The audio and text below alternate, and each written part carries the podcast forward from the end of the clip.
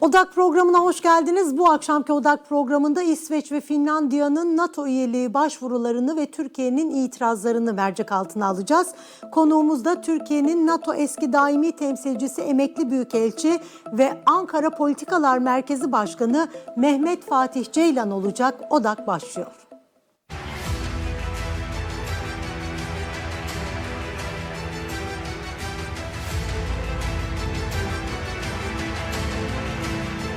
Gelişmeleri takip ediyoruz ama olumlu bir düşünce içerisinde değiliz.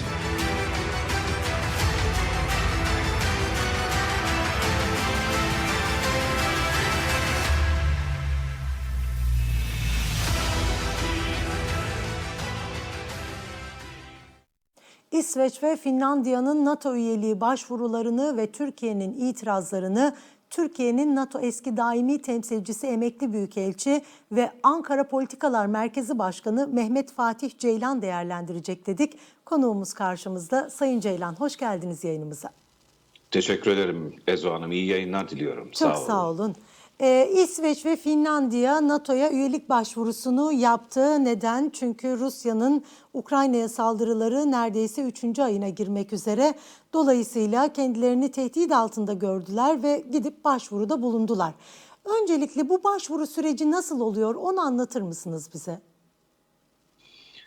Elbette. Ee, her şeyden önce e, NATO'ya başvuracak ülkelerin e, kendi e, siyasi e, liderlerinin, hükümetlerinin bu konuda elbette toplum içindeki e, eğilimleri de dikkate alarak e, NATO'ya üyelik başvurusunda bulunmaları mümkün. Şimdi NATO'ya üyelik başvurusunda e, bulunulduktan sonra bir belli bir prosedürlerin, bir prosedürler dizisinin takip edilmesi gerekiyor. Ve bunun da bir süreç izleyeceğini, izleyeceği aşikar. E, aynı şey Finlandiya ve e, İsveç bakımından da geçerli. İşte dün e, resmi katılım beyanlarını, daha doğrusu katılıma dair mektuplarını, isteklerini NATO'ya verdiler. Şimdi bu bir süreç başlattı ve bu süreç çerçevesinde NATO'nun izleyeceği yöntemlere bakacak olur isek, öncelikle bu yapılan başvurunun NATO'nun her hafta toplanan büyükelçiler düzeyindeki daimi konseyde ele alınması gerekir. E, aldığımız haberler e, Türkiye'nin buna itiraz ettiği e, yolunda. Dolayısıyla sürecin başlangıç aşamasında e, katılım protokollerinin hazırlanması bağlamında bir sorun ortaya çıktığı net.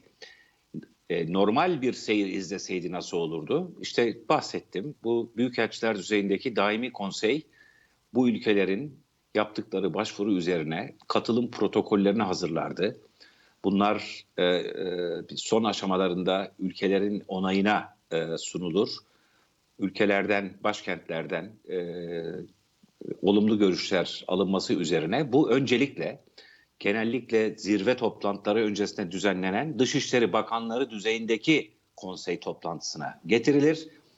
Onların da onaylaması halinde e, zirvede liderlere sunulur. Yani genişleme kararları, daha doğrusu genişlemeye dair resmi davet e, e, NATO'da genellikle e, liderler seviyesinde yapılır. Bu da zirve demektir, NATO zirvesi demektir. Şimdi e, önümüzde Haziran ayının sonunda Madrid'de yapılacak NATO zirvesi var.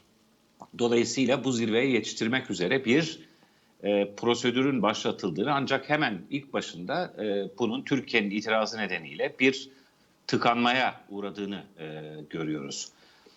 Arzu ederseniz e, bu e, bir de bunun süreci var. Şunu da hemen e, ilave edeyim. E, onu eksik bırakmayayım. Hem bir prosedür dedik hem de süreç dedik. Süreç e, NATO e, liderler zirvesinde alınacak karar ertesinde bu iki ülkeye yapılacak resmi, resmi davet üzerine yeni bir aşamaya geçer. Nedir bu yeni aşama?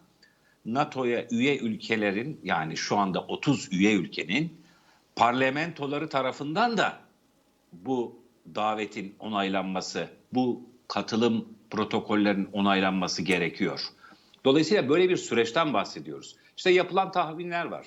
E, 6 ay alır, 8 ay alır diye herhalde Bir yıl diyen en de var. Geç, Bir yıl diyen de var. En geç bu yılın sonuna kadar e, hedeflendiği anlaşılıyor. Bunun tabii biz şöyle bir e, takvime bakarak bunları söylüyoruz.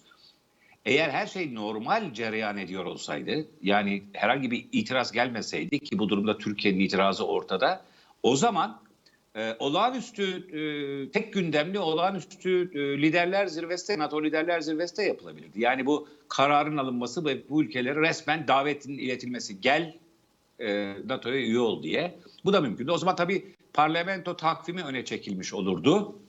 Ve dolayısıyla hızlandırılmış süreçten kastedilen de budur. Ama anlaşıldığı kadarıyla şimdi olağan takvime göre hareket edilecek. Yani e, eğer bir e, çözüm bulunursa o zaman öncelikle bu e, katılım protokolleri NATO bünyesinde hazırlanacak. Dışişleri Bakanları toplantısına sunulacak. Genelde zirvelere yakın tarihte yapılır bu.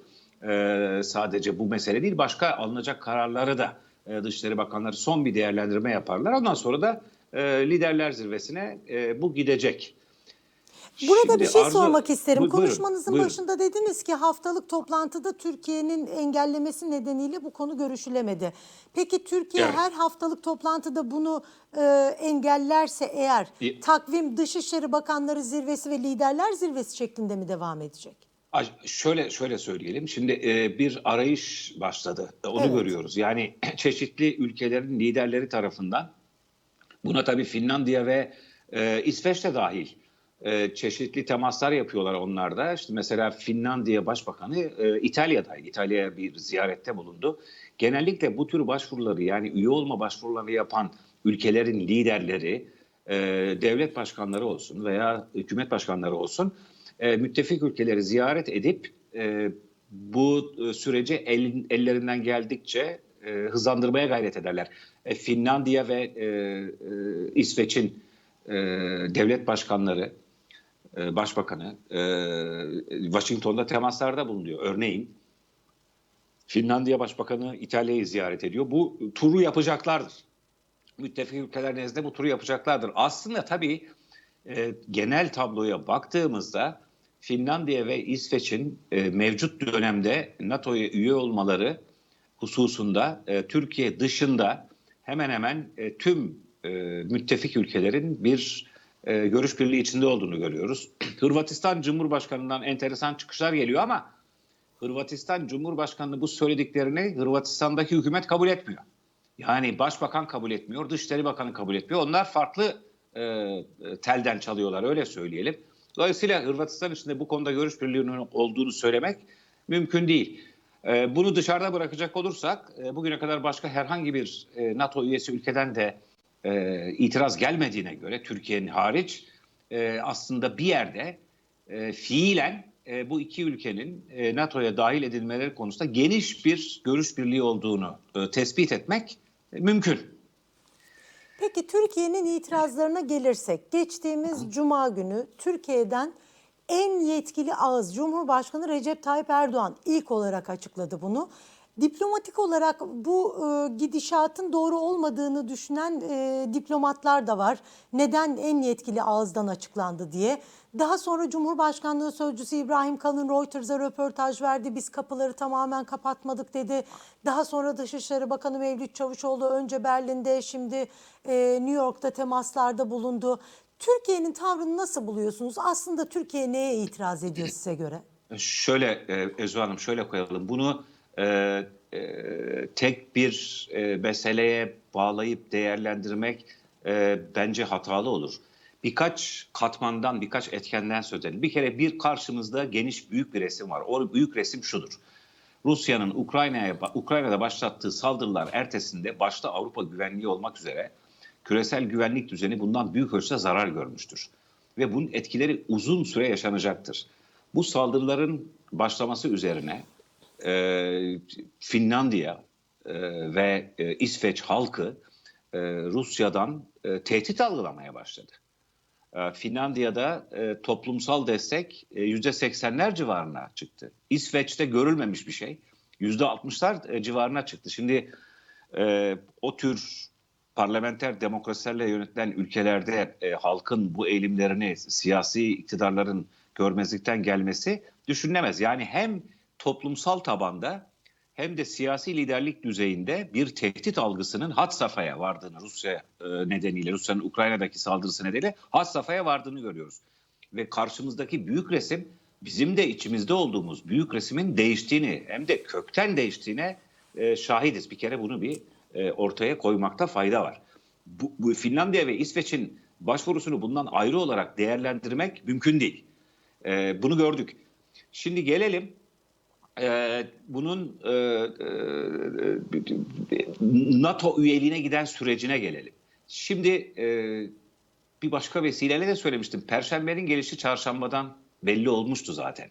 Yani 2021 Aralık ayından bu yana Rusya'nın giderek e, yığınağını, askeri yığınağını arttırması bütün Ukrayna sınırı boyunca ve e, söylem dozunu yükseltmesi, e, bu söylemin şiddetini arttırması yapılan tahminlere göre e, Rusya bir şekilde Ukrayna'ya girecekti. Ve nitekim 24 Şubat'ta girdi. Şimdi o dönemde daha o dönemde e, Finlandiya ve İsveç'in NATO'ya üyelik başvurusu yapma e, yapmak için e, çeşitli temaslara başladıklarını veya bu konuda en azından kavramsal olarak, düşünsel olarak e, bu konunun ele alınmaya başladığını görüyoruz yoğun şekilde.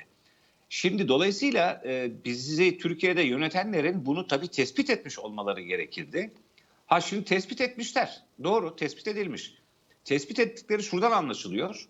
İşte bundan bir ay önce Cumhurbaşkanı Erdoğan'la e, Fin e, Finli mevkidaşı, Finli karşıtı e, Finlandiya Cumhurbaşkanı'nın bir telefon gelişmesi yaptığını anlıyoruz. Bu basına yansıdı, açık kaynaklara çıktı. Evet 4 Nisan'da sanırım Sauli Evet. İle telefonda görüştü. Evet ve e, oradaki ifadelere baktığımızda çünkü buna ilişkin bir basın açıklaması yaptı e, Finlandiya Cumhurbaşkanı E, ve Türkiye bunu tekzip etmedi. Akış şöyle. Şimdi bizim e, Türkiye'yi yönetenler e, bunu tespit etmişler. Güzel. Bu bir avantaj. Yani Finlandiya, İsveç üyeliği önümüze geliyor. Bunu tespit etmişler bir ay önce. En azından bir ay önce. Ve bu konuşma yapılmış. E, bu konuyu açan da Cumhurbaşkanı Erdoğan olmuş. Şimdi Finlandiya Cumhurbaşkanı'nın ifadelerini söylüyoruz. Yani Türkiye'de tekzip edilmeyen ifadelerini söylüyoruz. E, bu konuyu açtı diyor. Ben izledim, birkaç defa dinledim e, iyice anlamak için. E, ve bu konuda e, Türkiye'nin e, Finlandiya'nın yanında olduğunu dile getirdi ifadesini kullanıyor. Yani herhangi bir problemin iletilmediğini anlıyoruz. Şimdi bir başka buna paralel olan gelişme e, Türk Dışişleri Bakanı'nın hem İsveç hem e, Finlandiyalı e, karşıtlarıyla yaptığı görüşmelerde de e, olumsuz bir sinyal vermediğini anlıyoruz. E şimdi o zaman bu önemli bir şey çünkü e, liderler seviyesinde konuşuluyor, Dışişleri Bakanları seviyesinde konuşuluyor. E tam e, bu iki ülkenin e, NATO'ya resmi başvuruda bulunacakları tarihten 3 gün evvel. Yani 13 Mayıs'ta. Yani 14-15 Mayıs'ta Berlin'de gayri resmi NATO Dışişleri Bakanları toplantısı yapılmasında bir gün önce. E, bizim itirazlarımız var e, denmesi bir kere e, bir diplomasi hatasıdır ve zamanlama hatasıdır. Şu olabilirdi. 4 Nisan telefon görüşmesinde e, bizim bazı isteklerimiz var, bazı kaygılarımız var, bazı endişelerimiz var. Sizin ülkenizde faaliyet gösteren e, ve Türkiye'nin güvenlik çıkarlarını e, karşı olan, hatta e, Türkiye'ye karşı e, mücadele eden bir takım terör gruplarına verdiğiniz destekten memnun değiliz. Maddi destek dahil bunun içine. E, gelin bu konuda oturalım bir konuşalım. Aynı şekilde 2019 yılından bu yana Türkiye'ye uyguladığınız askeri ambargodan da memnun değiliz. Oturup bunları konuşalım denebilirdi. Bu her ülkenin, her müttefik ülkenin bir başka müttefik ülkeye veya müttefik olmayan herhangi bir ülkeye, ilişki içinde olduğu herhangi bir ülkeye ki Finlandiya ve İsveç'in Türkiye ile olan ikili ilişkileri yeni ilişkiler değil, yüzyıllara dayalı ilişkiler bunlar. Oturup bunları konuşalım ve bir orta yol bulalım. Biz anladık ki siz Finlandiya olarak veya İsveç olarak e, NATO'ya üyelik başvurusunda bulunacaksınız. Ama bizim bir takım kaygılarımız var. Bu kaygıların karşılıklı yapacağımız e, görüşmelerle, diyalog yoluyla bir çözüme kavuşturulmasını istiyoruz. Şimdi bu denebilirdi. Bu meşru bir şey. Ona hiçbir itirazım e, yok. Olamaz da zaten. Türkiye'nin bu tür endişelerin olmasını da e, gayri doğal karşılamıyorum. Bu do- doğal istekler. Her ülkenin olabilir. Ama bunu gidermenin yolu yani olası bir tıkanmaya e, yol açacak e, bir sorunları e, çözmenin yolu müzakere etmekten geçer. Şimdi 13 Mayıs'ta öyle bir tablo ortaya çıktı ki nitekim bunun ilk somut tezahüründe gördük işte. Çarşamba günü yapılan daimi konseyde bu iki ülkenin katılım protokollerinin hazırlanması, katılım süreçlerinin başlanması daha ilk başta e, Türkiye'nin itiraz nedeniyle durdu. Şimdi bu eğer bu şekilde bir masa etrafında e, karşılıklı olarak görüşülerek, diyalog yoluyla görüşülerek bir ortak anlayışa veya bir ortak formüle varılmış olsaydı karşımıza bu tablo çıkmayacaktı. Üstelik öyle bir zamanda e, oluyor ki bu tam artık iş resmiyete dökülmüşken bu iki ülke müracaatlarını yapacakken şimdi bu ikinci etken konuşmamız gerek. Üçüncü etken şu.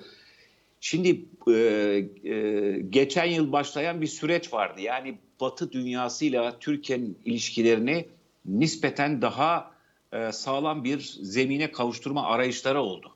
Buna dair çeşitli beyanlarda duyduk geçen yıl boyunca. Fakat arka arkaya gelen e, bir takım e, farklı e, kararlar var sahada e, sahaya yansıyan. Yani şu ortaya çıkıyor. Türkiye şimdi efendim Avrupa Konseyi'nden işte denetçiler gelecek Türkiye. Geldiler. Avrupa bir ya geldiler. Avrupa Birliği ile ilişkiler belli. Tamam tamamen al-ver ilişkine, ilişkisine dayanmış. Ee, göçmenler veya işte düzensiz sığınmacılar konusuna indirgenmiş durumda. Ee, fasıllar açılamıyor. Diyalog kanalları büyük ölçüde tıkanmış durumda. E şimdi bir de NATO ile bir gerilim. Şimdi NATO ile zaten gerilim vardı. S-400 meselesiyle başlayan ve Türkiye'yi sadece Amerika ile ilişkilerinde değil, NATO bünyesindeki ilişkileri çerçevesinde de zora sokan zaten bir süreç vardı. Şimdi de yine e, transatlantik yani Batı e, kurumları arasında yer alan e, e, NATO ile böyle bir sorun çıktı. Şimdi böyle Batı'ya yönelik bir e, e, yaklaşımın da e, izlerini görüyoruz. Yani bir taraftan Avrupa Konseyi kararlarıyla sıkıntılar. Bunların uygulanmamasına dair sıkıntılar. Öbür taraftan AB ile olan ilişkilerde açmazlar. E şimdi en son e, bu NATO ile ortaya çıkan e, gerilim. NATO ile diyorum bu sadece Türkiye-ABD ilişkilerini ilgilendiren bir mesele değil çünkü. Bu NATO'nun bütününü ilgilendiren bir mesele. Şimdi böyle bir şey var. Şimdi ne yapılmak isteniyor? Yani bunda sorgulamakta fayda var. Ben öyle görüyorum. Şimdi ne dedik? Şimdi- Bir, Buyurun. genel güvenlik resmindeki bozulma. İki, e, Finlandiya ve İsveç'in e, üye olmasının kesinleşmesiyle birlikte e, Türkiye'nin bu mevcut sorunları, bu özellikle İsveç'te olan mevcut sorunlarını çözmeye dönü- dönük diyalog kanallarını açmamış olması veya bundan bu sorunlardan bahsetmemiş olması karşı tarafa bir umut vermesi öyle söyleyelim. Bu var. Üçüncüsü Türkiye'nin Batı karşıtı ve Batılık içinde bulunduğu, içinde bulunduğu Batılı kurumlarla olan sorunları e, ortaya çıkmış durumda. Bir başka etken, dördüncü etken de tabii bu iç politika amaçları için de kullanılıyor olabilir. Ben oraya girmeyeceğim. Çünkü Ben bu- onu bu- soracağım bunun- ama size şöyle ki e, çünkü çok tartışılıyor bu. Şimdi Türkiye'ye evet silah ambargosu uygulayan ülkeler var ve bunların içinde NATO üyesi olan ülkeler de var. E, çünkü Türkiye'nin Kuzey Suriye'ye yaptığı askeri harekat kendisi ve kendisine bağlı silahlı gruplarla Birleşmiş Milletler raporlarıyla savaş suçları sayılabilecek e, hatalar yapıldığını e, raporlarda görüyoruz. Türkiye'ye dediler ki siz bu askeri harekatı yapmayın. Cumhurbaşkanı Erdoğan da çıktı dedi ki biz kendi göbeğimizi kendimiz keseriz. Bunun akabinde Türkiye'ye bazı yaptırımlar geldi. Aslında yaptırım da değil ama ambargolar işte bazı parçalar verilmiyor. Daha sonra Türkiye'nin açıklamaları Fuat Oktay'ından İsmail Demir'ine, Cumhurbaşkanı Erdoğan'dan e, İbrahim Kalın'a hiç bizi etkilemedi. Bu zaten bizim milli sanayimizi, silah sanayimizi güçlendirmek için bir vesile olduğu hiçbir sıkıntı yok diye açıklamalar yaptılar. S-400'ler nedeniyle ABD'nin uyguladığı ambargolar var.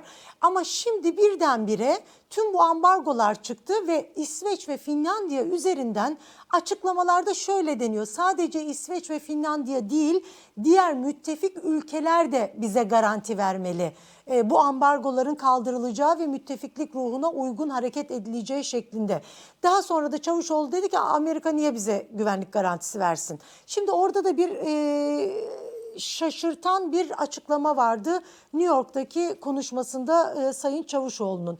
Dolayısıyla tüm bunları birleştirdiğimizde uluslararası basında şöyle bir e, makaleler dizini çıkıyor ki Türkiye'nin derdi İsveç ve Finlandiya'nın NATO üyeliklerini bloke etmek değil aslında ama yaklaşan seçimlerden dolayı milliyetçi oylara bir e, göz kırpmak, e, tevessül etmek. Hakikaten iç politika e, nedeniyle dış politika bu kadar alet edilebilir mi size göre? Bunun riskleri neler? E tepiyor, geri tepiyor. E, bu şekilde kullandığınız zaman geri tepiyor. Bu ilk bunun ilk büyük geri tepmesi bizim bölge e, ilişki bölge ülkeleriyle ilişkilerimizde e, ortaya çıktı zaten. Şimdi onlar toparlanmaya çalışılıyor yapılan üst düzey ziyaretlerle. E, şimdi bunların e, e, geri tepmesi halinde eğer elinizde e, B planınız varsa ne ala.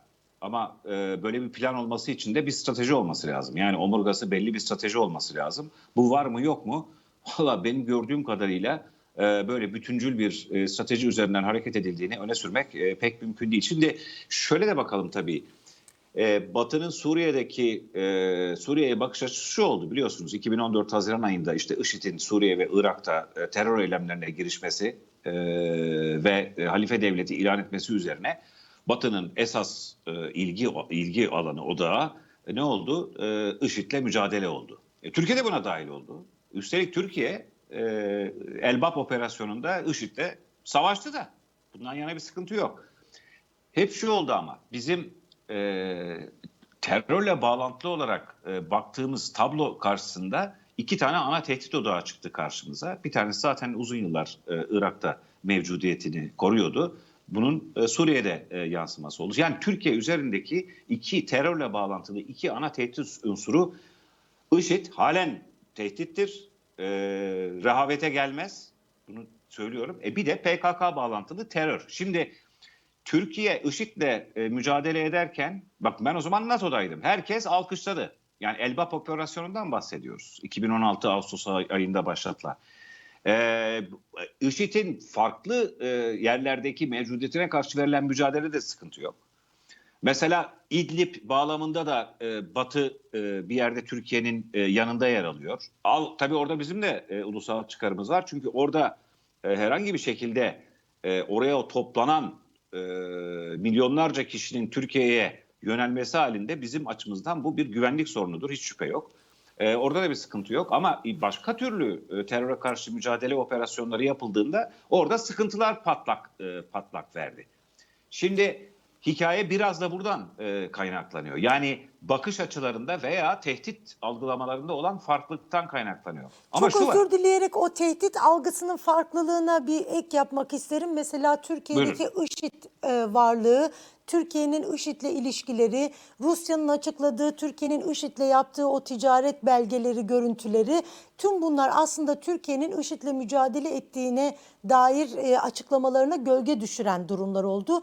Daha yeni Gar katliamı davasında e, ifadeler verildi. IŞİD'liler diyor ki sınırda Türk askeri bize yardım etti, çantalarımızı taşıdı.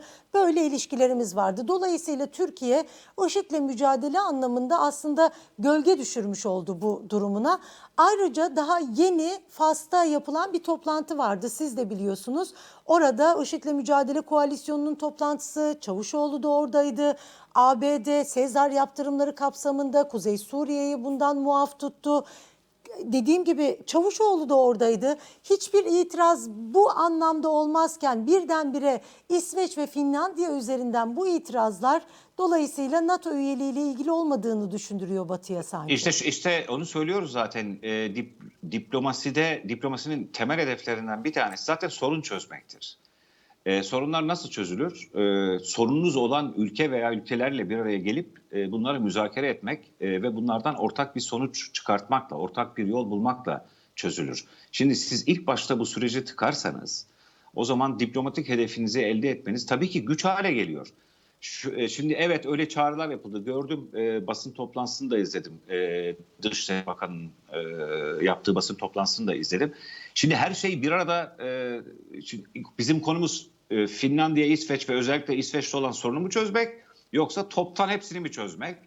Şimdi bundan yola çıkarak e, Amerika ile olan sorunları mı halletmek? Şimdi bazı şeyler var ki bunları birbiriyle bağdaştırıp bir potaya koyup hepsini bir anda çözmek mümkün olmaz. Bunları ayrı ayrı bölümler halinde de ele almakta fayda var. Şimdi karşımızda e, NATO bağlamında e, Finlandiya ve İsveç'in yapmış olduğu müracaat var. Özellikle İsveç'le e, güvenlik e, anlamında, güvenlik algılamaları, değerlendirmeleri anlamında farklı farklılıklar var. Şimdi esas hedef ne olması lazım? Bunların giderilmesi olması lazım. Şimdi buradan yola çıkıp sen diğerlerini de gidermezsen ben de bunlara e, bu izin vermeyeceğim vesaire. Şu, bu ters teper. Bakın Evet. bu ters teper. Zaten zaten e, ilişkiler bahsettik. E, Batı ile ilişkiler zaten şeker renk halinde uzun yıllardır. E, şimdi bir de bunun üzerine bunu bindirirseniz o zaman tabii e, ne oluyor sonuç itibariyle? E, Türkiye'nin e, inanılırlığı, e, efendim güvenilirliği, e, öngörülebilirliği e, gölgelenmiş oluyor. Bunlardan kaçınmak lazım. Ha şey hiç girmiyorum çünkü onu Türkiye'de e, nasıl algılandığından da emin olamıyorum bir türlü. Yani bir devletin itibar ve saygınlığı olur. Bu, bu güven, güvenmekle bağlantılı bir şeydir. Buna da e, gölge düşüyor. Bunun üzerine de gölge düşüyor. Yani sonuç itibariyle benim değerlendirmeme göre burada bir e, diplomatik anlamda sorunlara çözüm üretme üretmenin en önemli, en e, güçlü e, enstrümanlarından biri olan e, diplomasi alanında e, yöntem olarak hata yapılmıştır bana göre, benim değerlendirmeme göre ve zamanlama açısından da çok geç bir aşamada ve en üst düzeyde e, söylenmiş bir e, beyanla ve durumla karşı karşıyayız.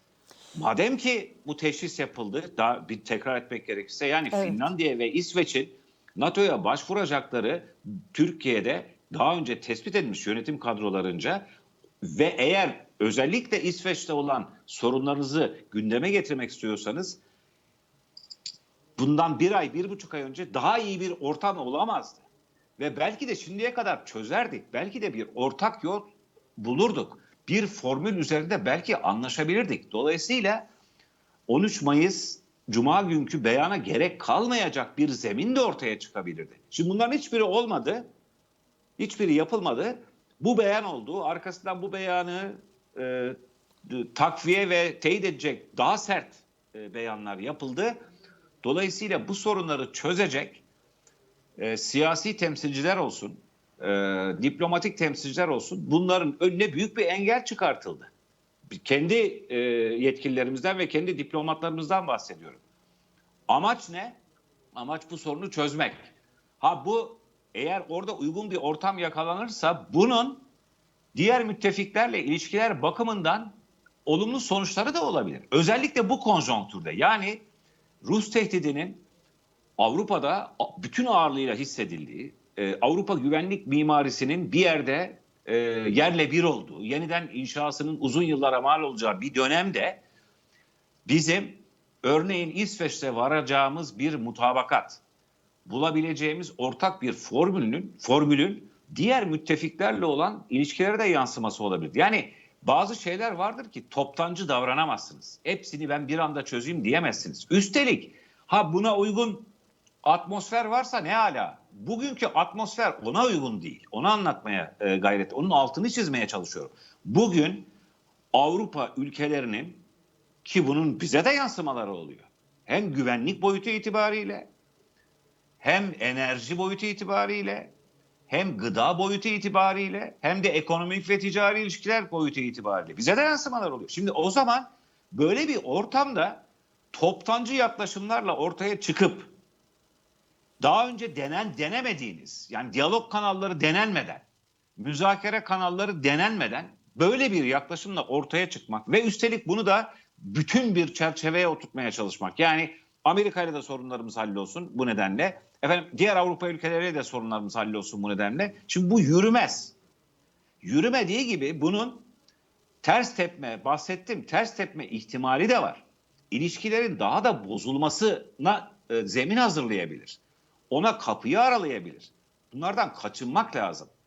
Dolayısıyla e, tekrar etmek gerekirse e, hem diplomasi kanallarını tıkaması itibariyle, müzakere e, kanalları bakımından engel yaratması itibariyle hem de bizim e, inanırlığımız, güvenirliğimiz ve öngörülebilirliğimiz açısından e, ortaya çıkardığı e, muğlak e, tablo itibariyle e, doğru yönde atılmış bir e, adım olarak görmüyorum. Bunu söylerken şunu ilave ediyorum. Bir yanlış anlamaya mahal vermemek için Türkiye'nin özellikle tekrar ediyorum İsveç'te olan o alandaki ilişkilerindeki sorunlar gündeme getirilmesini demiyorum. Ama bunları bu aşamada gündeme getirmek hatalı diyorum. Daha önceden getir, gerekirse Mart ayında getir. Nisan ayında zaten telefon görüşmesi yapılmış. Getir ve bunları bir şekilde bir çözüme kavuşturmaya gayret et. Diplomatların ve diplomasinin görevi zaten budur.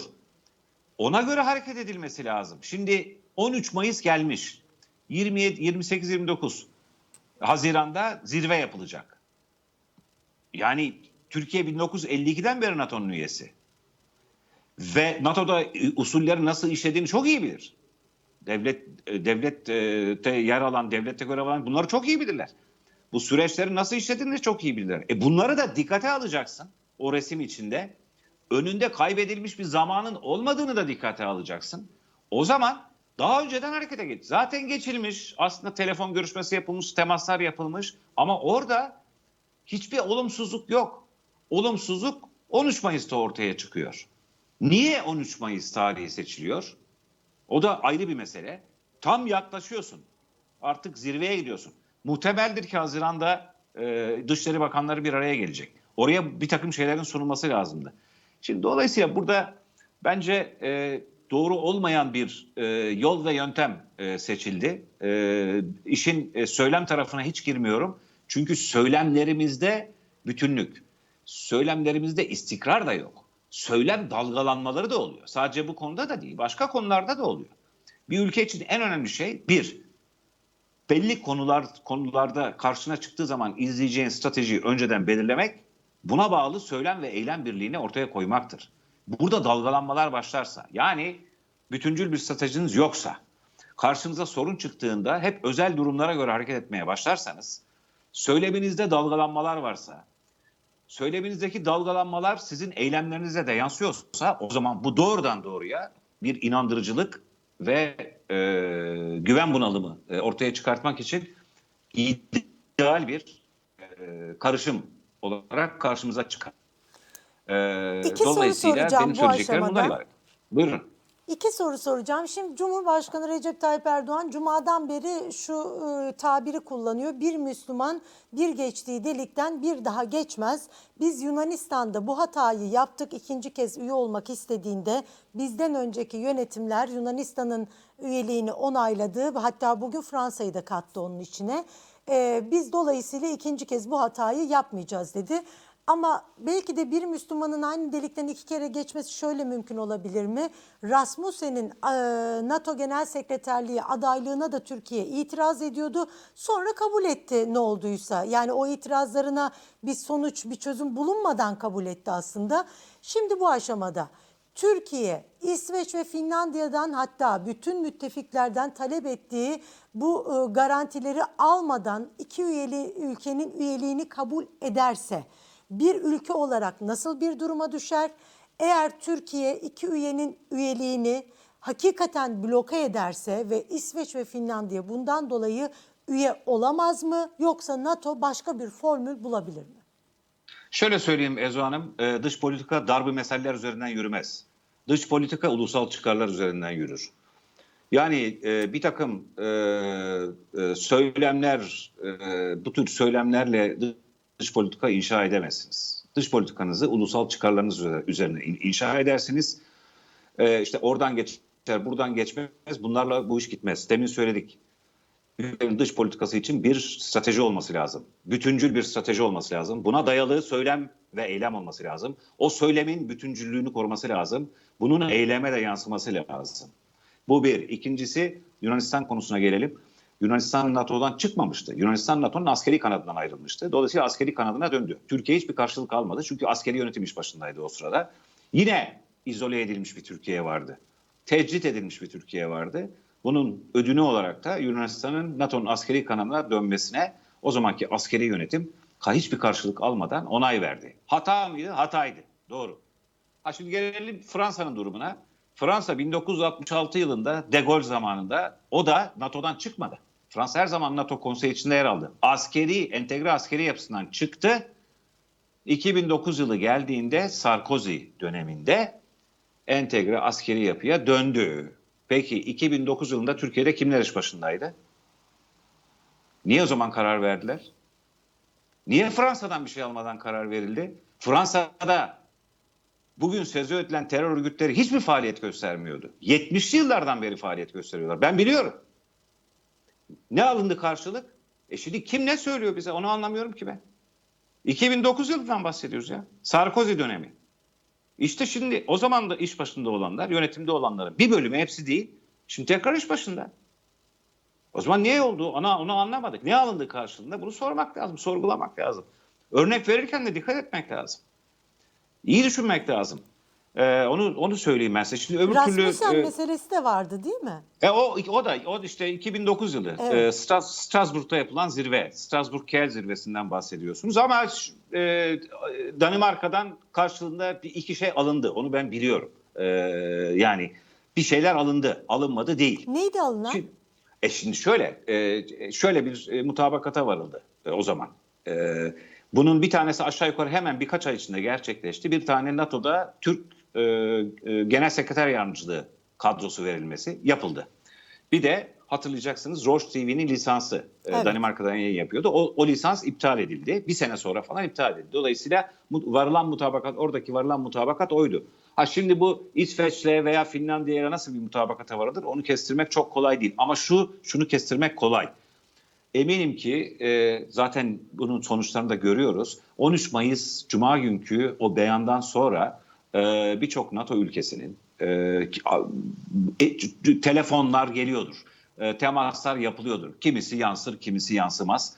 Bence bence müthiş bir girişim silsilesi başlamıştır. Girişim serisi başlamıştır ve bu devam edecektir ta ki Türkiye, işte İsveç, Finlandiya arasında bir ortak zemin bulunana kadar. Bugüne 13 Mayıs'tan sonra bugüne kadar çeşitli devlet yetkililerinin söylediklerine baktığımızda e, bunun hep e, yansımalarını görüyoruz. Elbette bir çözüm bulunacaktır. Türkiye'nin endişeleri e, karşılanmasına çalışılacaktır ve dolayısıyla Finlandiya ve İsveç'in işte NATO üye olmasının önünde ki engel e, kalkacaktır diye. Yani ben bunun tersi hiçbir şey duymadım.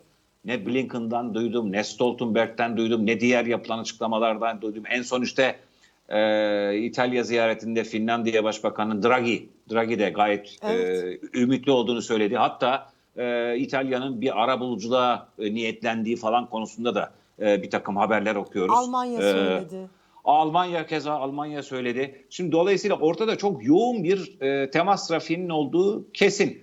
Başka bir şey daha var. O açıklamanın yapıldığı gün hemen o akşam e, mesela e, Cumhurbaşkanlığı Sözcüsü e, İbrahim Kalın'ın yaptığı bir açıklama var. Yani biz diyor kapıyı Kapıları kapatmıyoruz ama diyor bir takım bizim isteklerimiz var, beklentilerimiz var diyor.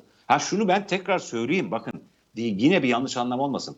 Her ülkenin kendi e, çıkarları gereği bir başka ülkeden ister müttefik olsun ister olmasın bir takım beklentileri, istekleri olabilir. Bu doğaldır. Tabii ki. E, doğaldır, meşrudur. Kimse senin niye böyle isteğin var diye soramaz.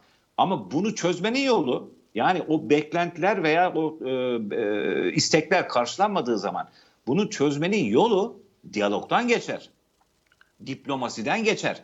Şimdi siz bu kanalları kapattığınız anda karşınıza yeni sınamalar çıkar. İşte şimdi ortalık e, biraz alevlenmiş durumda. Herkes birbirini arıyordur eminim. Ve geliyordur telefonla. Yani bil- bildiğimden söylemiyorum ama hani geçmiş tecrübelerime Tabii istinaden ki. söylüyorum. Bunların kimisi yansır, e, dış basına da yansır. Ben de dış basından da bizim basından da takip ediyorum. Ve bu devam edecektir. Yoğun şekilde devam edecektir. Eğer buralardan bir netice çıkarsa e, ki bu adamlarla oturup görüşmek lazım. Yani bunlar e, Türkiye'ye gelmesin, e, işte bizi ikna edemezler falan gibi şeyler de galiba öyle şeyler de söylendi e, benim okuduğum kadarıyla. E, Boşuna zahmet etmesinler. Görüşecek hiçbir şeyimiz yok. e, peki tamam o zaman o, işte ben de hep aynı şeyi söylüyorum. Güzel bizim Amerika ile tonlarca sorunumuz var. E, peki o zaman bizimkiler de zahmet edip gitmesin oraya. E, Yani veya başka yere gitmesinler o zaman. Yani ve ada bir de şunu bak. Şimdi e, bu tür ülkeler e, sizin sorununuz olan ülkelerden e, birisi çıksa desek ya arkadaş buraya gelmenize gerek yok. Bu iş bitti falan dese. Bunu biz nasıl algılarız Türkiye'de? Ya bir de bir de bunu da düşünmek lazım. Mesela Amerika heyet üstüne heyet gidiyor işte. Geçen hafta Dışişleri Bakan Yardımcısı orada. Şimdi Dışişleri Bakanı orada. Milletvekilleri heyeti orada. Bu ayın ortasında Türk-Amerikan Konseyi'nin toplanacağı işte bir büyük çaplı bir ziyaret yapılacağı söyleniyor. E o zaman sorun var diye gidilmesin mi? E sen kendinde bu hakkı görüyorsun. Başkasına bu hakkı niye vermiyorsun? Olmaz. Yani diplomasinin kalıbına da sığmaz. Öyle söyleyeyim. Dolayısıyla bir şekilde görüşülecektir. Ama orada ama burada. Görüşülecektir. Ve bir çözüm bulunmaya çalışılacaktır. Bu arada diğer NATO üyesi ülkeler yetkilileri de zaten yapıyorlar. Açıklıyorlar da zaman zaman açıklamalar da yapıyorlar. Hep okuyoruz, görüyoruz. Kendi basınımıza da yansıyor ama ben dış basını tabii daha onu da takip ediyorum. Oradan da görüyorum. Bunlar devam edecektir. Bu böyle bir süreç başladı ve bir orta yol bulunmaya çalışılacaktır. İşte orta yolun durumunda ne olacak size göre? bulunamaması durumunda şöyle söyleyeyim. Yani NATO'da konsensus kuralı işler, e, görüş birliği kuralı işler. Dolayısıyla eğer bir ülke ayak sürür sürerse süreç uzar. E, sonlanır mı? Sonlanmaz. Niye sonlanmaz? Çünkü bu o demin bahsettik girişte. O genel güvenlik resmi içinde sonlanacak bir e, süreç değildir. Evet. bu Finlandiya veya İsveç bir şekilde onlar da e, Türkiye ile yapacakları müzakerelerde bir orta yol bulmak ihtiyacını hissedeceklerdir. Zaten söylüyorlar. Her iki ülke yetkilileri de özellikle bugün baktığınızda verdikleri demeçlere bak bunu söylüyorlar. Evet. Onlar çünkü onların hem siyasi liderlerin hem toplumların tehdit algısı yükseldi. Rusya'dan artık çekinir hale geldiler. Dolayısıyla NATO'nun 5. maddesinin an- kurucu anlaşmasının 5. maddesinin yani bir e, NATO üyesi ülkeye silahlı saldırı yapıldığı takdirde diğer NATO üyesi ülkelerin o müttefik ülkeyi koruma yükümlülüğü yani bu güvenlik şemsiyesi altına girmeyi bunlar artık kafalarına koydular. Dolayısıyla bu bile dolayısıyla bir orta yol bulmaya çalışacaktır. Dediğim gibi bu öyle Ankara'da olmaz, başka yerde olur. Avrupa'da bir yer, Avrupa'da da bir sürü yer var. İşte Viyana var, Berlin var, ne bileyim Paris var, bir, bir sürü yer var. Oralarda da buluşulabilir. Buluşulamaz diye bir şey yok. Madem Türkiye'de ağırlamaktan e, pek hoşnut kal, kalınmayacağı anlaşılıyor. O zaman başka bir mekanda da bulunur. Bunlar geçmişte de oldu. Bu tür e, sıkıntılar, gerilimler oldu. E, e, kendi ülkenizde veya o ülkede buluşmanın da bir takım sıkıntılar doğurabileceğini e, anladığınız anda e, bu bir sürü buluşacağınız mekan var. Avrupa'da şehir mi kalmadı yani veya ülke mi kalmadı? Onu yap ama bunlar olacak. Yani şimdi bir e, yoğun temas trafiği e, sürüyor. E, bir şekilde e, Türkiye, Finlandiya, İsveç bir araya getirecekler. Türkiye'de e, bir şekilde buna gitmek zorunda. Çünkü başka türlü çözüm bulamazsınız. O zaman siz baştan diyorsunuz kapatıyorsunuz bütün kapıyı ama diyorlar kapı kapanmadı. Şimdi bugün verilen demeçlere baktığımızda da aynı şeyi görüyoruz. Kapı kapanmadı diyorlar. E kapı kapanmadıysa o zaman müzakere et. Bu isteklerini ki bana göre doğal, meşru istekler. Ben benim şeyim tereddütüm yok. Şahsen benim tereddütüm yok. Otur konuş. O zaman bir orta yol bulacaksın. O zaman kapı açıksa açık kapıdan girmek lazım. Ve o müzakerenin içine girmek lazım. Bence İsveç ve Finlandiya da zaten buna istek gösteriyorlar. Diğer NATO üyesi ülkelerin yetkilileri de bu zemini oluşturmaya gayret sarf ediyorlar. Bundan sonra şöyle bir tablo ortaya çıkabilir. Onu söyleyelim. Bir gün bir şekilde e, belki de çok kısa bir süre içinde bu üç ülke yetkilileri bir araya gelip ortak bir zeminde buluşup ondan sonra e, NATO içinde işte o bahsettiğimiz hani o normal prosedürler var ya onlar işlemeye başlayacaktır. O normal süreç ondan sonra işlemeye başlayacaktır. Şu anda bir ara verildi. Hani inkitaya uğradı öyle söyleyelim. Evet. Bir ara verildi. Bu ara da işte o bu ara niye verildi? O diplomatik zemin oluşturulsun diye verildi. E, dip- bu sorunu olan ülke eğer o diplomatik zemin içinde yer almayacaksa çözümü nasıl bulacaksınız? Böyle bir şey mümkün değil. Dolayısıyla bu olacaktır. Ha bu bu hafta içinde olma, olmaz artık bu hafta geçti ama önümüzdeki hafta içinde göreceğiz. Bu tempo artacaktır. Ee, bu işte Türkiye, Fra- e, İsveç ve e, şeyi e, Finlandiya'yı bir araya getirme arayışları e, temposu yükselecektir ve bir gün bir yerde e, bir araya gelinecek. Başka ülkelerin de belki başka müttefiklerin de kolaylaştırıcılığında, desteğinde öyle söyleyelim e, bir ortak yol bulunacaktır, bir zemin bulunacaktır. Ondan sonra da işte NATO içindeki o süreç başlar. O ortak zemin bulunduğu gün veya onun ertesi güne bu iki ülkenin katılım protokollerin hazırlık süreci daha ilerleyecektir. Dışişleri Bakanlarına sunulacaktır. Sonra da zirveye gelecektir. E, Ben böyle değerlendiriyorum süreci. Lüksemburg Dışişleri Bakanı Jean Asselborn'un bir açıklaması vardı. Diyor ki e, beyin ölümü gerçekleşmiş NATO'ya iki yeni üye geliyor ve biz bunu çok büyük sevinçle karşılıyoruz. Teşekkür ederiz Putin diye ironi de yaptı hatta. E, Cumhurbaşkanı Erdoğan'ın açıklamalarını sordular. Dedi ki tüccar mantığıyla atılmış adımlardır bunlar. Böyle bir süreçte ne koparırsam kardır mantığıyla hareket ediyorlar dedi. Bu bile Türkiye diplomasisinin düştüğü duruma belki de iyi bir örnek olabilir. Ama bundan sonra e, buradan bir ders çıkarılır mı? Bu açıklamalar böyle yapılmadan o diplomasi işletilir mi? Onu da size sormak isterim açıkçası. Yani e, konuşmamda da daha önce de söyledim. E, e, bazıları bunu da e, Türkiye'de e, sorguluyorlar ama yani bir dış politikanın e, temel dayanakları vardır. E, bunlar nedir? İşte bir, ülke itibarı korunacak, ülkenin saygınlığı korunacak, ülkenin ulusal çıkarları korunacak.